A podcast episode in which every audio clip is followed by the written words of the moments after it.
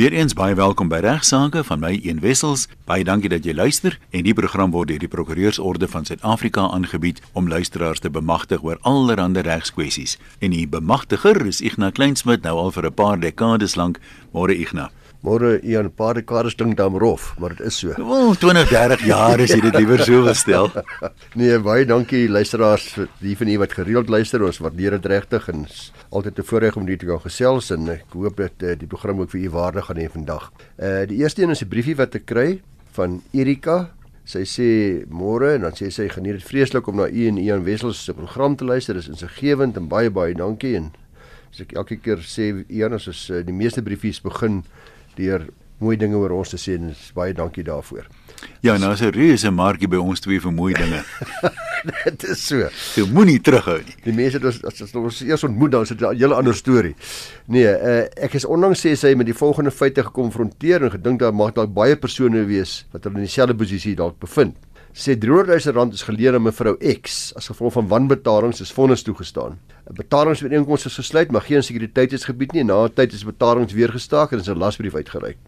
Lasbrief kon nie uitgevoer word nie want toe blyk dit meneer X al 7 maande gelede gesterf het.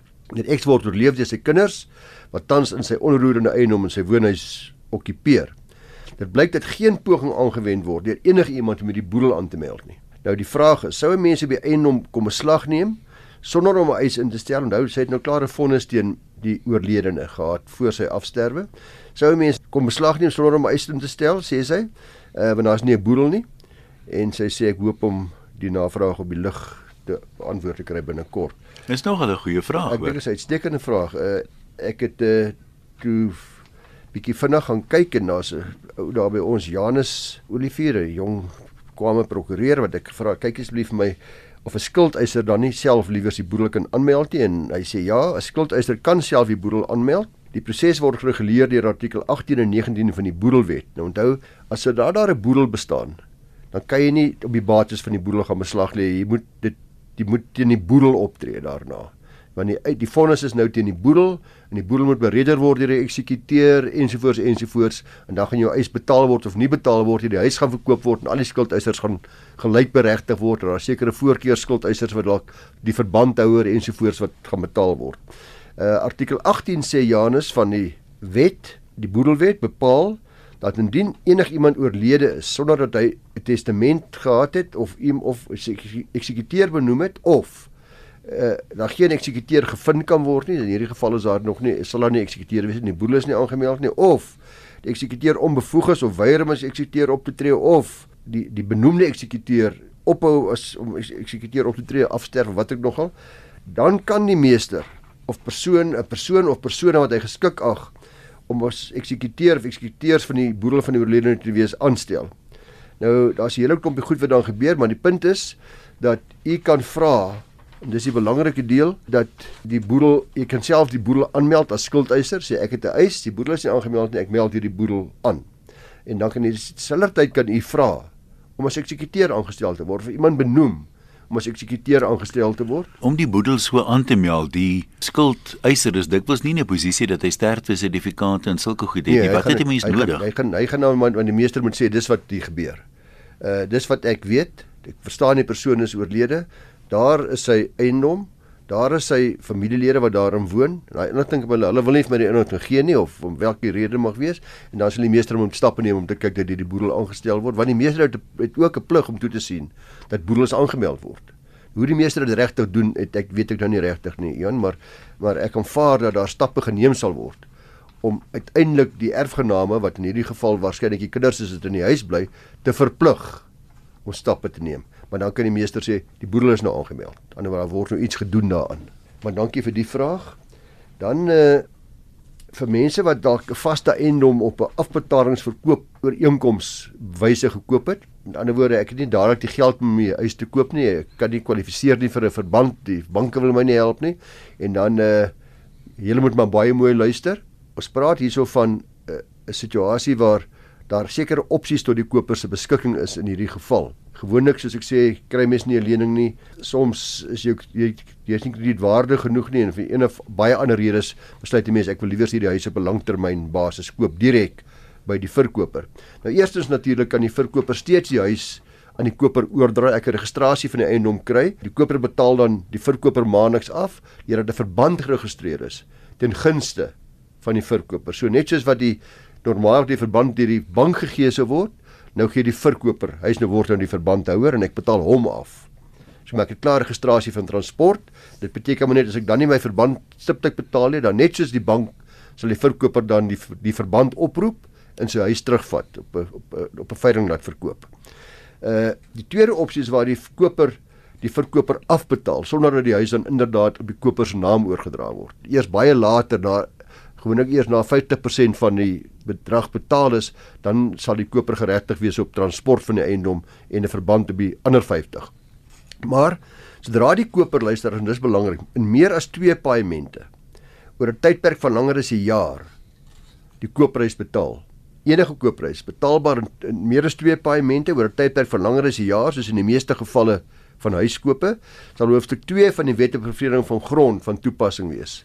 Die wet bepaal in kort dat so 'n koopkontrak teen die titelakte van die verkoopte eiendom geregistreer moet word. Luister mooi artikel 20 van daai wet sê as ek so koop meer as twee paemente oor langer as 'n jaar betaal, dan sê die wet op vervreemding van grond as dit vaste eiendom is, dan moet hierdie koopkontrak teen die titelakte van die verkoopte eiendom geregistreer word. Dis by die akteskantoor. Die doel van hierdie registrasie is tweeledig en ek sê dit hierdie is belangrik om te luister want ek weet nou is mense wat luister Ian wat 'n huis of plek so gekoop het, grond so gekoop het, wie se kontrak nie geregistreer is nie want dit mense doen dit dood eenvoudig nie. Veral met familie en vriende. Korrek ja. Nou die doel is tweeledig. Eerstens hoe dit die verkoper om 'n eiendom aan iemand anders oor te dra as hy geregistreerde koper. Want jy betaal nog rustig hier af en die volgende nog weer die ou om verkoop. Want jy het geen titelakte nie, jy het niks nie, jy het nog net besig om jou paemente te betaal. So hy kan dit nie doen nie want dit is nou teen die titelakte is daar 'n endorsement wat sê jammer, hier's 'n ander koper wat wat tog afbetaal. Goed. Tweedens, verskaf dit 'n voorkeur is, dis belangrik aan die koper indien die verkoper se boerle gesekwestreer word. As hy nie geregistreer is nie, nie 'n voorkeur is nie want jy gewone konkurrente eis teen die skuldeisers se insolvente boedel teen die verkopers. Is dit wat hulle die in Engels noem the cold comfort of a concurrent claim? Ja. so luisteraars, die belangrikheid van hierdie artikel 20 registrasie van 'n koopkontrak is voor die hand liggend. Daarom vereis die wet dat die verkoper die kontrak binne 90 dae na kontraksluiting moet registreer. Dis die verkoper se plig. Indien die verkoper versuim om te doen, dan die koper 14 dae tyd daarna om die kontrak te kanselleer Alternatiefelik kan die koper dan self die kontrak laat registreer. In artikel 26 van die wet gaan verder en bepaal dat niemand 'n teenprestasie mag ontvang. Let wel, niemand mag geld ontvang alvorens die kontrak nie geregistreer is nie. So jy mag nie jou paemente betaal nie, hy mag dit nie ontvang nie verkoper voor hy nie bewys lewer dat daai kontrak behoorlik en uit 90 dae tyd soos ek sê van die datum wat jy dit geteken het nie. Die gevolg hiervan is dat die kontrak vir solank hy nie geregistreer is nie, ook nie gekanselleer kan word op grond van die sy versuim om paemente te betaal nie. As ek nou nie betaal het nie, dan kan niemand iets aan doen nie want hy's nog nie ek hoef nie te betaal voor hy nie geregistreer is nie. Kan nie gekanselleer word nie. Nou hierdie uitgangswind is dan ook deur die hof onlangs bevestig en dis waarom ek dit nou noem vir u. Dis 'n saak wat nou onlangs gedoen is uh en artikel 26 is daar deurlik bespreek en mense kan gaan kyk na Amardien en ander teen die registrateur van aktes en ander 'n 2019 saak. Amardien teen die registrateur van aktes en ander. Die hof het geargumenteer dat die koper regtens nie agterstallig kan raak met sy paemente nie omdat uh, die verkoper nog nie geregtig was om dit te ontvang nie. Nou ek het nou ek sluit my weer af deur te sê baie min mense weet van hierdie vereiste om so 'n kontrak te registreer en nog minder weet van die baie nadelige gevolge wat ek nou vir u uitgespel het indien daar versuim word om dit te doen. Daar is ook ander aspekte van hierdie wet wat jy in ag moet neem soos byvoorbeeld dat die nasionale kredietwet sekere toepassing vind dat daar sekere dinge is wat wat iemand weet oor hereregte en kapitaalwinsbelasting wat 'n toepassing is op so 'n kontrak. Maar dit is belangrik dat u maar 'n spesialis moet gaan spreek, gaan sien u prokureur voordat u enigstens 'n koop of afbetalingstransaksie teken moet asseblief dit nie doen nie. Die prokureur hier bystaan omdat daar redelik baie ingewikkelde aspekte is wat aandag geniet. Ja, baie mense weet van die wet en een of twee artikels wat hulle bevoordeel, maar uh, niemand ken al die fynskrif in daai wet nie. Korrek, ja. Ek het onlangs 'n e-pos gehad van iemand wat sê as jy mens nou kyk na Suid-Afrika se bevolking, dis baie meer mense nou as sê net maar 20 jaar gelede. Hierdie mense het almal regsprobleme, dikwels uh, kwessies wat in die hof bereg moet word. Was daar 'n toename in die aantal regters of howe wat hierdie goed moet aanhoor want ons hoor van jy weet ja. agterstande van 2, 3 jaar voor jy 'n oop dag op 'n hofrol kry. Weet jy waar enigiets gedoen word om die toegang tot die howe makliker te maak in terme van meer howe, meer regters, meer landdroshowe? Ja, sonder twyfel, ja, nou word regtig moeite gedoen deur die departement van justisie en ook deur uh, almal wat betrokke is by die administrasie van howe soos byvoorbeeld die regter-presidente. Elke hof het 'n regter-president. Die regter-president is verantwoordelik onder andere om toe te sien dat daar nie opeenhopings is nie dat daar behoorlike dat al die sake binne 'n redelike tyd gehanteer kan word en daai regter-president sal dan aanbeveel aan die regtelike dienskommissie dat daar vakatures moet geskep word afhangende van die hoeveelheid werk wat daar is. So dis 'n dis 'n sekere manier om te verseker want die hoeveelheid hofsaake, die hoeveelheid dagvaardings, die hoeveelheid strafsaake sal bepaal hoeveel regters nodig is en dit neem sonder twyfel dramaties toe saam met 'n toename in bevolking. Afgesien daarvan is daar ook in Suid-Afrika nou ondanks 'n hele klompie nuwe howe gevestig, spesialishowe. Nee, hogeregshowe, gewone hogeregshowe, waar al die howe byvoorbeeld eers in die ou Pretoria Pretoria se hogeregshof en Johannesburg sin veral Pretoria sin byvoorbeeld vir uh Nelspruit bedien het, Mpumalanga en uh Pietersburg, uh, Polokwane is daar nou nuwe howe gevestig met hulle eie regters, eie regter-president ensovoorts om die om die laste te verlig. Ander ding wat gereeld gebeur is jurisdiksie van howe word aangetorring of word verander.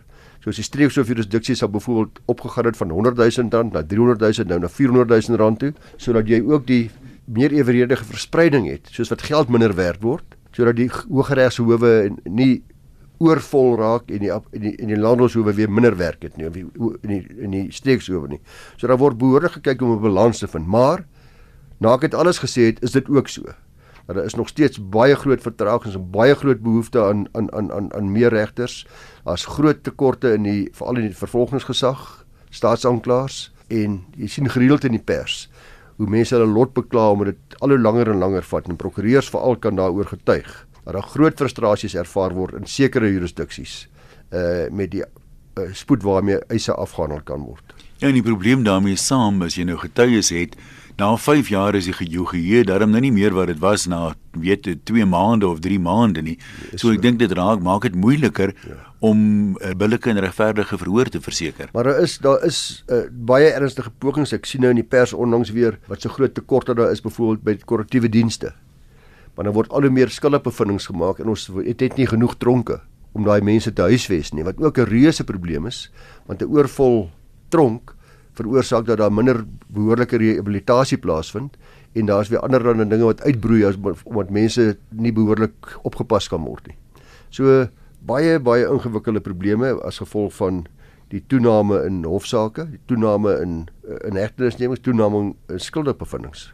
Luisteraars, uh, ek het vir net daarmee gaan baie bekwame jong prokureur daarby van Vellen Duffy gevra 'n bietjie vir my te kyk na die hele kwessie van Esta en dan okkupeerders reg tot historiese familiebegrafplase om daar begrawe te word. Uh, sy is eintlik 'n omgewingsreg spesialis, maar sy het vir my hierdie stukkie gestuur wat uh, baie duidelik maak hoe dit werk. Grondregte en grondhervorming, weet ek, is op almal se lippe sê sy en wanneer jou reg tot die gebruik van jou gronde gedrang gebring word, is dit baie emosioneel. Is uh, dikwels word dit tot in die hoogste howe gevoer ook. Soos ek weet is al vir geruime tyd wetgewing wat okkupeerders van 'n plaas se regte beskerm en dis die ESTA wetgewing of terwyl jy weet die uitbreiding van sekerheid en verblyfreg, so die 1997 wet. Dis juis daar gestel om die regte van beide die okkupeerder en die eienaar van plaasgrond behoorlik te beskerm en dit een te sit. Nou 'n onlangse saak sê sy van Sandvliet boerdery limit beperk versus Maria Mampies en ander Sowel as 'n uh, uitspraak daarna uh, in die Hoogste Hof van Appel, was eers nie hoe gewoon hof en toe Appel toe die hof gekyk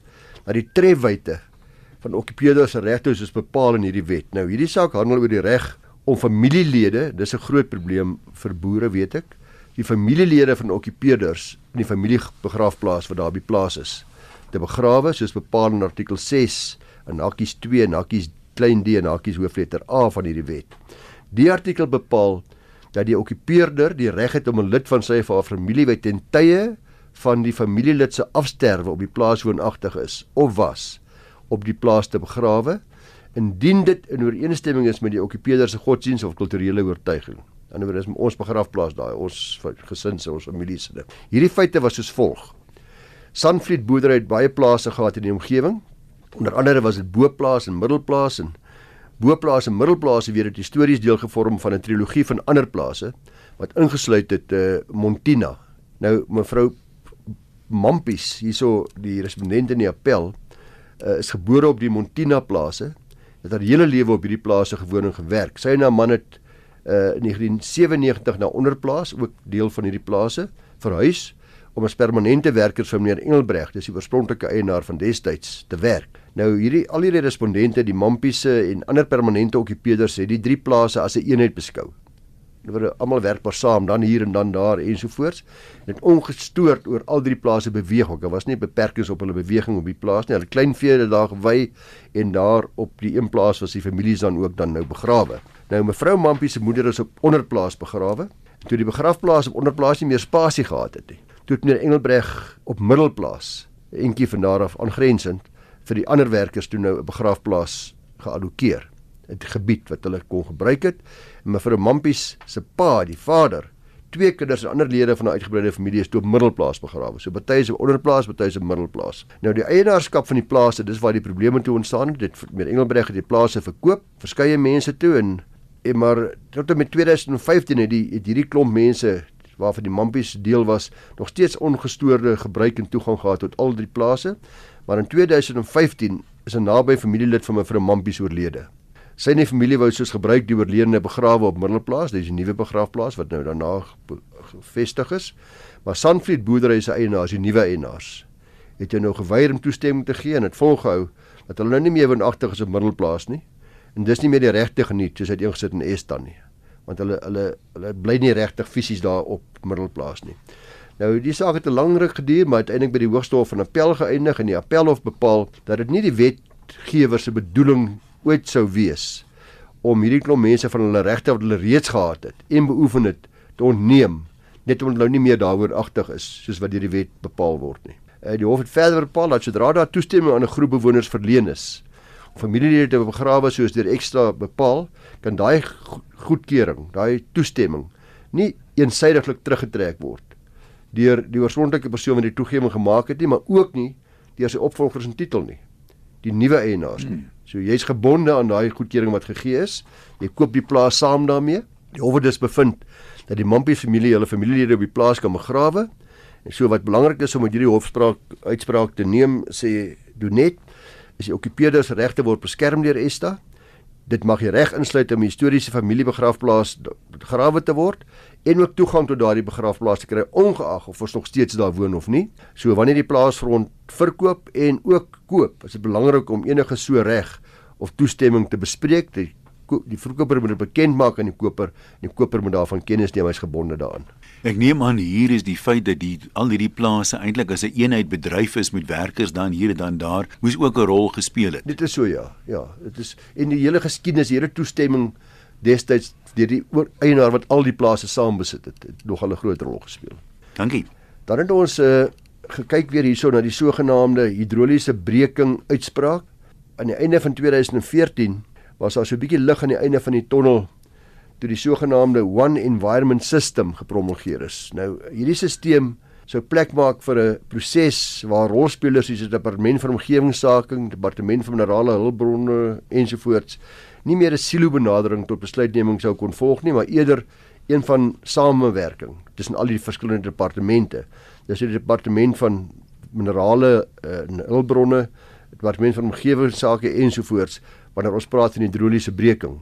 Die lig was egter gou verdoof toe die minister van minerale en hulpbronne in 2015 hierdie stelsel heeltemal geïgnoreer het en nuwe regulasies onder die minerale en petroleum hulpbron ontwikkelingswet eh, gepromulgeer het, daar gestel het wat bepaal het dat hierdie nuwe wet van nou af alle omgewingsimpakte en studies vir die eksplorasie en produksie van petroleum sou reguleer. Nou hierdie bepaling het nou direkte invloed gehad luisteraar op die eksplorasie van skaliegas hidroliese breking want dit sou bepaal dat die departement van omgewingsake nou nie meer sê het nie soos wat destyds bedoel was met die one environment system nie die, die integrering van die omgewingsreg nie. Hulle nou nie kon niks meer sê of ook nie meer 'n oorsig gehad oor die besluit nie. En uh, dit sou net die departement minerale sake wat kom besluit. Nou verskeie burgerlike organisasies het hulle na die howe gewend. En die hoogste hof van appel het toe nou hieroor onlangs uitspraak gelewer en bevestig dat die droniese breking grootskaalse negatiewe impakte kan hê op 'n omgewing dat alhoewel die departement van minerale en hulpbronne die nodige omgewingsmagtiging in hulle regulasies daar gestel het, hulle nie by magte is of was om hierdie regulasies in die eerste plek te kon maak nie. So die appelhof het opgemerk dat die One Environmental System daar gestel is as 'n uh, verpligte mate van samewerking tussen regerings, uh departemente en dat ministers en departemente in essensie dus nie meer magtig was of is om inbreuk te maak op die verpligtinge soos deur daardie oorspronklike wetgewing daar gestel nie. Die hof bevind is dat dit juis is wat die minister van mynwese gedoen het deur die besluitneming van 'n ander ministerie oor te neem.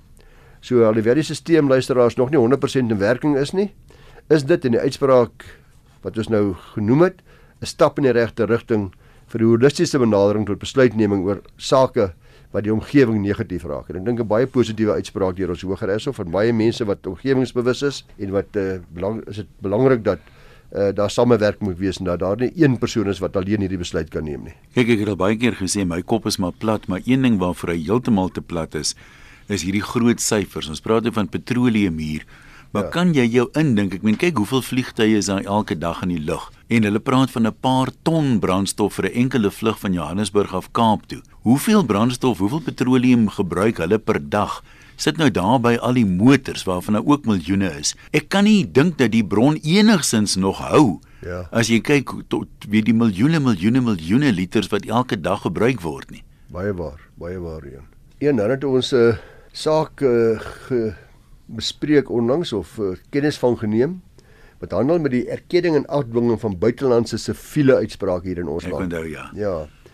Nou uh, die saak wat ek vandag wil bespreek en wat eintlik bespreek is hier deur Nicola Lemeiter daar van van Ferrandafie wat gesê het ek moet asseblief hierdie uitspraak ook onder die luisteraars se aandag bring is die geval van Eland Boulevard teen Fnin Investments uh is 2019 saak baie onlangs en dis ook in die Augustus 2019 uitgawe van die Robus ons prokureursorde se tydskrif ontleed. Deesdae is dit so dat elkeen van ons iemand ken wat 'n alternatiewe inkomste in die buiteland gaan soek het, het sy tydelike of permanente basis of studeer of watter nogal. Dit bring meer dat ons howe nou toenemend siviele sake van Suid-Afrikaanse burgers gekonfronteer word wat in die buiteland beslis was wat hulle nou hier wil afdwing uh, teen 'n Suid-Afrikaner en word dan verwag van ons howe om om om daai buitelandse uitsprake te erken en af te dwing. Nou in hierdie geval het die Suid-Afrikaanse burgers na Australië geëmigreer waar hulle onder andere 'n eiendom en meubels aangekoop het. Dis nou om hulle daar te vestig. Uh die aankoop is in die naam van hulle trust gedoen en is prestasie deur die meneer en mevrou Essak self gewaarborg. Dis nou die twee persone wat ons hier van praat. Hulle is borge met ander woorde. So die trust, meneer en mevrou Esak het versuim om hierdie huis te betaal en die meubels te betaal. Hulle het uh, duidelik ek weet nie hoekom nie, maar seker besluit dis nie meer so lekker as hulle gedink het daaroor nie en uh, hulle toe uiteindelik teruggekeer na Suid-Afrika. Tussen as daar sal in die hof in Queensland gedagvaar waar 'n uitspraak teen hulle gegee is vir betaling van hierdie geld uit hoogte van hulle borge borgskappe wat hulle geteken het. En na hulle terugkeer na Suid-Afrika het die die vraag of onder watter omstandighede en by watter hof nou by magte is om hierdie buitelandse uitspraak, siviele uitspraak af te dwing vir die hoogste hof van appel gedien. Want daar was pogings om hierso uh die vonnis te laat herlewe en te laat uh, op hulle goed hier beslag te lê. Hulle het geoponeer uiteindelik by die appelhof geëindig. Nou die appelhof het hierdie vraag bevestig en beantwoord deur te bevind dat 'n plaaslike hof inderdaad buitelandse uitsprake vir die betaling van likwide bedrae mag afdwing. Uh mits, dis belangrik, mits die vonnis deur die buitelandse hof as 'n finale en afdoende vonnis beskou kan word. So die uitspraak moet finaal wees in die sin dat dit in daardie spesifieke buitelandse hof as finaal beskou sou wees. En afdoende in die sin dat alhoewel moontlik nog geappeleer kan word, die hof wie die uitspraak gegee het, dit nie sal kan wysig nie. So is redelik afdoende en is finaal. Nou uh in hierdie geval het die hof in Queensland nie enige wesenlike foute begaan nie. Dit was 'n gewone vonnis vir dis vele vonnis vir 'n sekere bedrag en uh, gevolglik die Hogeregs of hier in die appelhof hierso by ons bevind dat uh die meriete van die saak glad nie geaffekteer is of weer weet aangeval is ensovoorts en dat die bevel van die buitelandse hof vernader voldoende is en uh dit afgedwing kan word hier so in Suid-Afrika. Daar word egter nie luisteraars van ons plaaslike howe verwag enigsins om die meriete van sulke sake te ondersoek nie. Dis klaar afgehandel in in 'n ander land. Jy kan nie weer dit gaan sê, hoor jy, maar in ons land sou ons eintlik anders bevind dit nie. Glad nie, dit kan jy nie gaan doen nie. Dit is irrelevant dat ons howe moontlik tot 'n ander uitspraak sou kom. Indien hulle te gaan vir mening as die buitelandse uitspraak verkeerd is, sê die appel op, dan moet jy maar daar gaan appel aanteken. Tussen as die vonnis daar is, gaan ons hom afdwing hier so in Suid-Afrika. So partye wat terugkeer na Suid-Afrika vanuit die buiteland soos die Essex kan nie sommer net so finansiële aanspreeklikheid in terme van geldige hoofbevele van oor die hele wêreld ontduik nie en dit sal deur ons howe afgedwing en uitgevoer word. Dankie, stuur gerus jou vrae vir beantwoording op regsaake direk vir Ignas Sy e-posadres is igna@ffd.co.za.